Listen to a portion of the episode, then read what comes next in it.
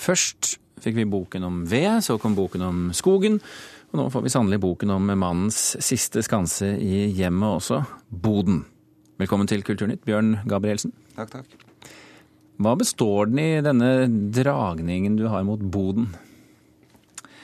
Eh, det henger nok sammen med, med, alt annet jeg har skrevet, hvor jeg, eh, jeg kom veldig sent til det praktiske livet.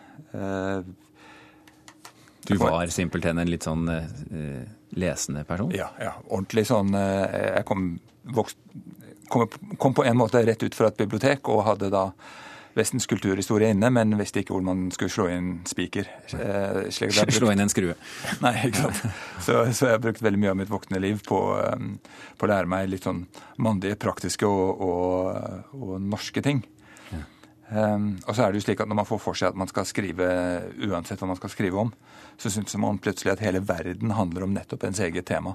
Uh, så jeg har jo kommet fram til at boden er jo faktisk utgangspunktet for hele sivilisasjonen og kulturen. Alle menn bør ha sin uh, bod, skriver du?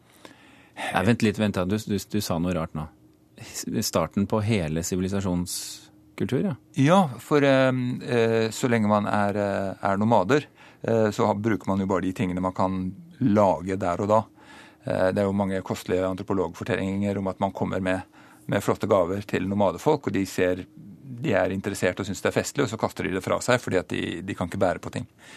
Eh, men når man da begynte å bli bofast, eh, da måtte man begynne å, å, tenke på hvor skulle man oppbevare såkornet, hvor skulle man ha redskapene, hvor skulle man gjære ølet. Ølet henger jo helt sammen med at man er bofast, at man ikke beveger på seg. Og da oppsto boden, og, da, og for å ha, beskytte bodene mot eh, de som fremdeles var omreisende nomader, så måtte man jo da ha et militærvesen, da måtte man ha en stat. Eh, og her sitter vi i dag. Alt pga. boden. Er dette en teori de har utviklet nå, eller, eller er den eh, gjengs i historikermiljøet? Ja, faktisk gjengs, men eh, det må jo sies at, med, at jeg fikk jo et litt skrudd eh, vinkel, og kan jo kanskje anklages for å ha overdrevet betydningen. Slik er det for alle, alle som da finner seg et spesialområde. Sånn er det. Alle menn bør ha sin bod, skriver du. Hvorfor det? Eh, jeg tror nok at de aller fleste av oss, eh, og det gjelder jo enten man er mann eller kvinne, har, har da en dragning mot at man skal være noenlunde forberedt. Eh, boden representerer jo mye det. Det er jo litt det gamle skrotet som man ikke orker å ta et oppgjør med og kvitte seg med. Og så er det jo også forestillingen om at vel, nå kommer jo vinteren, så da må man ha vinterting. Og så kommer sommeren, og da må man ha et sted å ha sommertingene. Så må man ha verktøy for når ting går i stykker. Og så alt som går i stykker, må man jo også ha et sted i mellomtiden. Ja. Eh, slik at det er jo en, en forsikring. Eh, om at, eh, om at man skal klare seg over neste kneik. Nå blir det litt sånn mann-kvinne-greie, fordi veldig, i ganske mange hjem så eh, har jo kvinnene resten av huset. Eh, og mannen har relativt lite han skal ha sagt når det gjelder interiørmessig. Dette det, det er av siste skanse? Ja. og Jeg har ingen formening om dette er medfødt eller om det er bra eller dårlig. Det driter jeg i akkurat i denne sammenhengen, men i praksis viser det seg ofte at det er det. Ja. Hva er en god bod? En god bod er jo der, eh, en bod der den som har ansvaret for den, faktisk finner det som er lagt dit. eh, og det høres kanskje ut som beskjedent eh, krav, men de fleste vi, av oss vet at slik er det ikke. Vi mannfolk stiller ikke så høye krav. men, men eh, det skal vel også opp Den skal vel også være som et slags sted å være? Den skal ikke bare kunne legge ting der? Nei, eh, Det gir jo en, absolutt en ekstra dimensjon hvis man, kan, hvis man kan oppholde seg i den. og, og jeg, For egen del, ja, man har jo alltid fantasien om at man skal, skal fikse ting eller lage ting. Eh, nå er det jo, For den som har ambisjoner om å lage egne julegaver, så er det jo alltid veldig kort tid til jul. ja. eh, og der er man jo nå. Når du sier boden, snakker vi da egentlig om boden, garasjen, verkstedet, Kjellstuen, uthuset, naustet? Ja, ja, så jeg tenker på det som et utvidet bodbegrep. og da eh, Utgangspunktet er at det er et sted hvor man har gjenstander som enten er ødelagte, som man ikke tør kaste, eller eh, verktøy man kan reparere.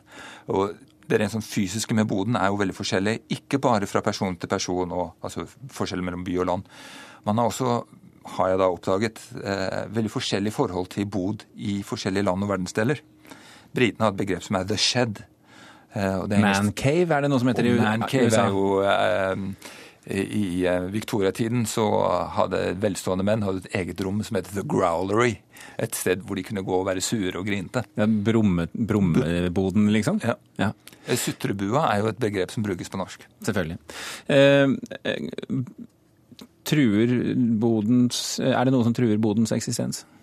Ja, det finnes eh, Jeg tror ikke det er den endelige trussel, men, men det finnes jo det finnes jo designløsninger for boder og garasjer. Eh, som gjør at alt ser ut som det er i et designblad. og Da, da ryker jo på en måte hele, hele greia med boden. Eh, og det er jo det samme med Her er det en parallell med inni hodene våre. Man treffer jo av og til mennesker som har sånn komplett orden og, og, alt er ryddig. Det er litt skumle mennesker. På samme måte som det er litt skummelt med de som har orden selv i boden. Jeg, jeg tror at man kan si mye positivt om, eh, om, å ha rot både i sitt eget hode og, og, i boden. Det er ikke alt som alltid skal frem, det er ikke alt som alltid skal være organisert. Ikke sant. Eh, Bjørn Gabrielsen, mannen bak boken eh, 'Jeg skal bare ut i boden en tur'. Tusen hjertelig takk for at du kom til Min lille bod, studio.